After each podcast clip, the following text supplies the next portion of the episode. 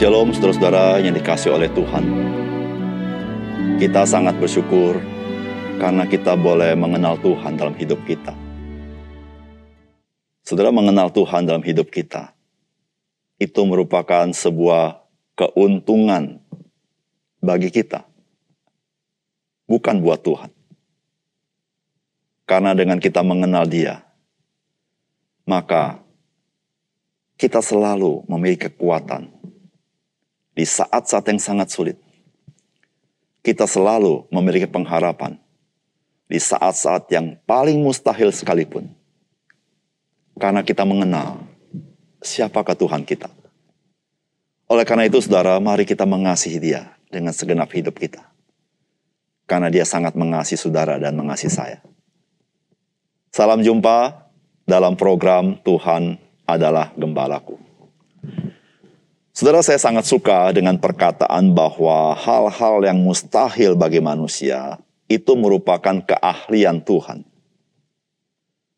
Saudara, ketika saudara berkata, "Wah, ini mustahil," saudara jangan lupa, ada yang ahli untuk hal-hal mustahil. Dia adalah Tuhan kita.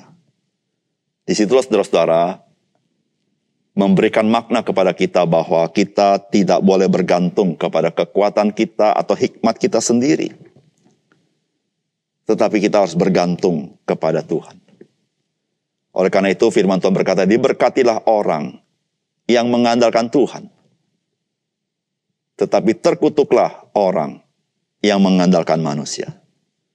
Saudara Tuhan, pemegang kedaulatan yang tertinggi atas segala sesuatu sehingga Tuhan dapat melakukan apa saja yang dia hendak lakukan untuk menggenapi rencananya. Dan rencananya yang sangat indah, yaitu rencana keselamatan di dalam Yesus Kristus. Saudara dari sinilah saudara-saudara, mengapa kita tidak perlu khawatir akan hidup kita. Kita tidak perlu takut akan apa pun yang kita alami. Karena Tuhan, dialah yang mengendalikan segala sesuatu. Setelah mari kita membaca firman Tuhan dari Lukas pasal 2 ayat 1 sampai 7. Pada waktu itu Kaisar Agustus mengeluarkan suatu perintah menyuruh mendaftarkan semua orang di seluruh dunia. Inilah pendaftaran yang pertama kali diadakan sewaktu Kirenius menjadi wali negeri di Syria. Maka pergilah semua orang mendaftarkan diri masing-masing di kotanya sendiri. Demikian juga Yusuf pergi dari kota Nazaret di Galilea ke Yudea, ke kota Daud yang bernama Bethlehem, karena ia berasal dari keluarga dan keturunan Daud. Supaya didaftarkan bersama-sama dengan Maria, tunangannya yang sedang mengandung. Ketika mereka di situ, tibalah waktunya bagi Maria untuk bersalin. Dan ia melahirkan seorang anak laki-laki, anak yang sulung, lalu dibungkusnya dengan lampin dan dibaringkannya di dalam palungan, karena tidak ada tempat bagi mereka di rumah penginapan. Saudara yang dikasih oleh Tuhan, pada masa itu pemerintahan Rom merupakan pemerintahan yang mempunyai kekuasaan yang sangat luas sampai ke tanah jajahan. Saudara pastilah pemerintahan mana pun hendak mengendalikan seluruh tanah yang dia kuasai, termasuk juga pemerintahan Romawi. Saudara yang kasih dalam Tuhan, salah satu faktor yang sangat penting bagaimana mereka untuk mengendalikan seluruh wilayah adalah faktor ekonomi. Oleh karena itu, saudara-saudara, kalau kita membaca bagian ini, maka Kaisar Agustus memerintahkan untuk melakukan pendaftaran untuk semua orang, termasuk di wilayah jajahan, yaitu termasuk di Israel. Saudara yang kasih dalam Tuhan, Lukas mencatat hal ini dilakukan pada zaman Kirenius yang menjadi wali negeri di Syria. Dan hal ini memberitahukan kepada kita bahwa kitab suci ditulis atas dasar historisitas yang sesungguhnya. Dengan data yang otentik dan yang benar. Sesuai dengan sejarah. Saudara kasih dalam Tuhan, apakah pesan firman Tuhan bagi kita melalui bagian ini. Yang pertama, saudara hati raja seperti batang air di dalam tangan Tuhan. Dialirkannya ke mana ia ingini. Itulah Amsal 21 ayat yang pertama. Saudara, inilah firman Tuhan di dalam Injil Lukas. Pada waktu itu, Kaisar Agustus mengeluarkan suatu perintah, menyuruh mendaftarkan semua orang di seluruh dunia. Inilah pendaftaran yang pertama kali diadakan sewaktu Kirenius menjadi wali negeri di Syria. Maka pergilah semua orang mendaftarkan diri masing-masing di kotanya sendiri. Demikian juga Yusuf pergi dari kota Nazaret di Galilea ke Yudea, ke kota Daud yang bernama Bethlehem, karena ia berasal dari keluarga dan keturunan Daud, supaya didaftarkan bersama-sama dengan Maria, tunangannya yang sedang mengandung. Ketika mereka di situ, tibalah waktunya bagi Maria untuk bersalin. Saudara yang dikasih oleh Tuhan, peristiwa Natal adalah peristiwa yang luar biasa. Mengapa saya katakan luar biasa? Di situlah saudara kita melihat bagaimana Tuhan yang tidak bisa kita lihat dengan kasat mata. Dia bekerja sedemikian rupa dan dia bisa memakai siapa saja untuk menggenapi rencananya. Termasuk penguasa yang paling berkuasa yang kekuasaan yang paling luas sekalipun, yaitu Kaisar Agustus. Saudara, pada zaman itu siapa yang lebih berkuasa daripada Kaisar Agustus? Secara manusia tidak ada. Tetapi saudara jangan lupa, ada Tuhan, Raja di atas segala Raja. Dan Amsal 21 ayat 1 menuliskan hati Raja seperti batang air di dalam tangan Tuhan dialirkannya ke mana ia ingin. Saudara Kaisar Agustus melakukan sensus kemungkinan dengan tujuan ekonomi dan keamanan. Bagi kemakmuran Romawi. Dan dia tidak tahu. Dia sedang dikontrol oleh Tuhan untuk memutuskan dilakukannya sensus. Karena dengan keputusan dia, maka Tuhan sedang menggenapi rencananya. Sedang kasih dalam Tuhan. Maria yang sedang mengandung Mesias adalah keturunan daripada Daud. Yusuf juga adalah keturunan Daud. Tetapi mereka tinggal di Nazaret. Di dalam perjanjian lama, Mesias harus lahir di kota Bethlehem. Saudara Nazaret dan Bethlehem. Dua kota yang sangat jauh. Dan zaman itu perjalanan sangat sulit. Saudara siapakah yang dapat memindahkan Maria dan Yusuf dari Nazaret ke Bethlehem?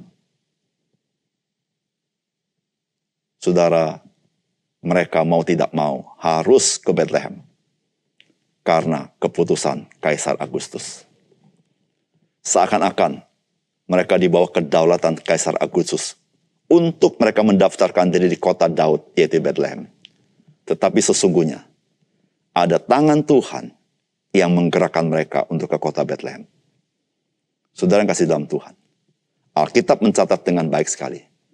Ketika Maria tiba di kota Bethlehem, maka tiba waktunya dia melahirkan. Saudara, saya katakan peristiwa Natal peristiwa yang luar biasa hebat. Saudara, mengapa Maria tidak melahirkan waktu di perjalanan? Kenapa persis ketika tiba di Bethlehem dia baru melahirkan? Saudara-saudara, ada timing Tuhan di dalam perjalanan Yusuf dan Maria. Sehingga ketika tiba di Bethlehem, barulah Maria melahirkan. Karena yang dilahirkan oleh Mesias, yang harus lahir di kota Daud, yaitu Bethlehem.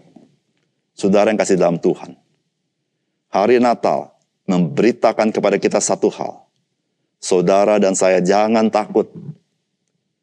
Sekali lagi saudara dan saya, jangan takut. Karena Tuhan, dia tidak berpangku tangan. Karena Tuhan, meskipun saudara dan saya tidak memandang, tidak melihat wajahnya dengan kasat mata kita tetapi wajahnya selalu diarahkan kepada kita. Dan dia mengatur segala sesuatu Dia bisa memakai segala sesuatu untuk maksud dan tujuan dia. Untuk orang-orang yang mengasihinya, yang hidup sesuai rencananya. Yang kedua, Saudara, tidak ada tempat bagi kelahiran Yesus Kristus. Memberitahukan kepada kita. Apa pun sikap manusia, Tuhan tetap bekerja untuk menggenapi rencananya. Saudara firman Tuhan berkata, dan ia melahirkan seorang anak laki-laki, anaknya yang sulung. Lalu dibungkusnya dengan lampin dan dibaringkannya dalam palungan karena tidak ada tempat bagi mereka di rumah penginapan. Saudara bagian firman Tuhan ini memberitahukan kepada kita, Allah bekerja tidak tergantung bagaimana manusia. Allah bekerja sesuai rencananya. Allah bekerja sesuai kuasanya. Tidak bergantung. Manusia mau merespon dengan baik atau tidak baik. Bahkan Alkitab berkata bahwa orang-orang miliknya sendiri tidak mengenal dia. Saudara yang kasih dalam Tuhan. Yesus Kristus, dia adalah Mesias. Namun dia lahir di kandang hewan. Karena Alkitab berkata, tidak ada tempat di tempat penginapan. Itu berarti apa saudara? Saudara arti yang saudara, manusia sedang sibuk. Manusia tidak terlalu peduli dengan hal-hal yang terkait dengan kelahiran Mesias. Tetapi Allah, dia bekerja dan dia menggenapi janjinya. Saudara-saudara yang kasih dalam Tuhan. Peristiwa manusia tidak peduli dengan rencana Allah terjadi pada zaman Nuh. Mereka tidak peduli air bah datang atau tidak. Bahkan mereka menertawakan ketika Nuh membangun bahtera. Tetapi Allah, dia melakukan rencananya. Saudara yang kasih dalam Tuhan. Kristus sudah datang pertama kali 2000 tahun yang lalu. Namun satu kali lagi dia akan datang kembali. Saudara tidak tergantung manusia peduli atau tidak peduli. Manusia sibuk atau tidak sibuk. Manusia mengharapkan atau tidak. Allah bekerja sesuai rencananya. Oleh karena itu saudara, sebagai orang-orang percaya yang mengenal kasih karunia Tuhan, marilah kita menjadi orang-orang yang berjaga-jaga dan selalu siap dan waspada karena ketika dia datang kembali, biarlah kita kedapatan sebagai orang yang setia dan baik, yang setia kepada Tuhan dan mencintai dia. Mari kita berdoa. Bapak surga terima kasih.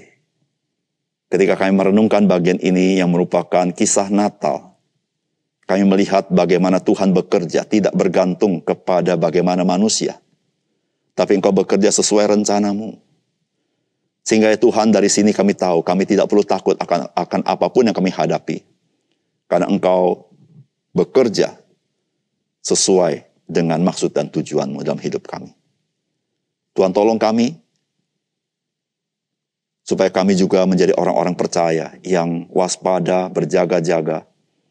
Karena kedatangan Tuhan Yesus pun yang kedua kali tidak tergantung dari respon manusia. Oleh karena itu kami sebagai orang percaya, kami selalu menjadi orang-orang yang selalu punya pengharapan akan kedatangan Engkau. Supaya kami menjaga hidup kami. Kehidupan yang menyenangkan Tuhan. Dan memberitakan kabar baik. Dan menjadi berkat bagi orang lain. Terima kasih Tuhan untuk firman Dalam nama Tuhan Yesus kami berdoa. Amin.